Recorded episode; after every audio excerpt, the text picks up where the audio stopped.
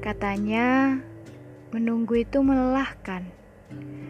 Nyatanya, menunggu hanya berdiam diri.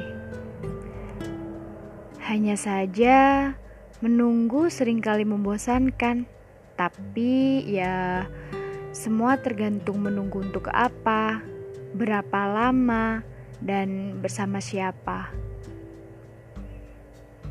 Percayalah, terdapat ujung di setiap penantian.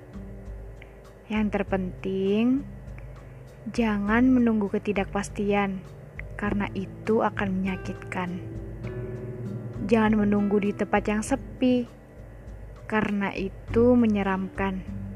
Dan jangan menunggu dalam kesendirian, karena itu menyebalkan. Bersabarlah semua butuh proses untuk indah. Tidak ada penantian yang sia-sia.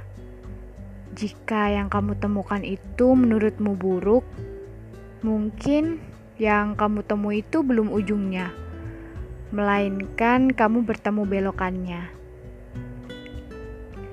Tetap fokuslah pada lintasanmu. Cukup tutup telinga dengan suara-suara bising yang mengganggu. Yakinlah Tuhan sudah merencanakan takdir terbaiknya.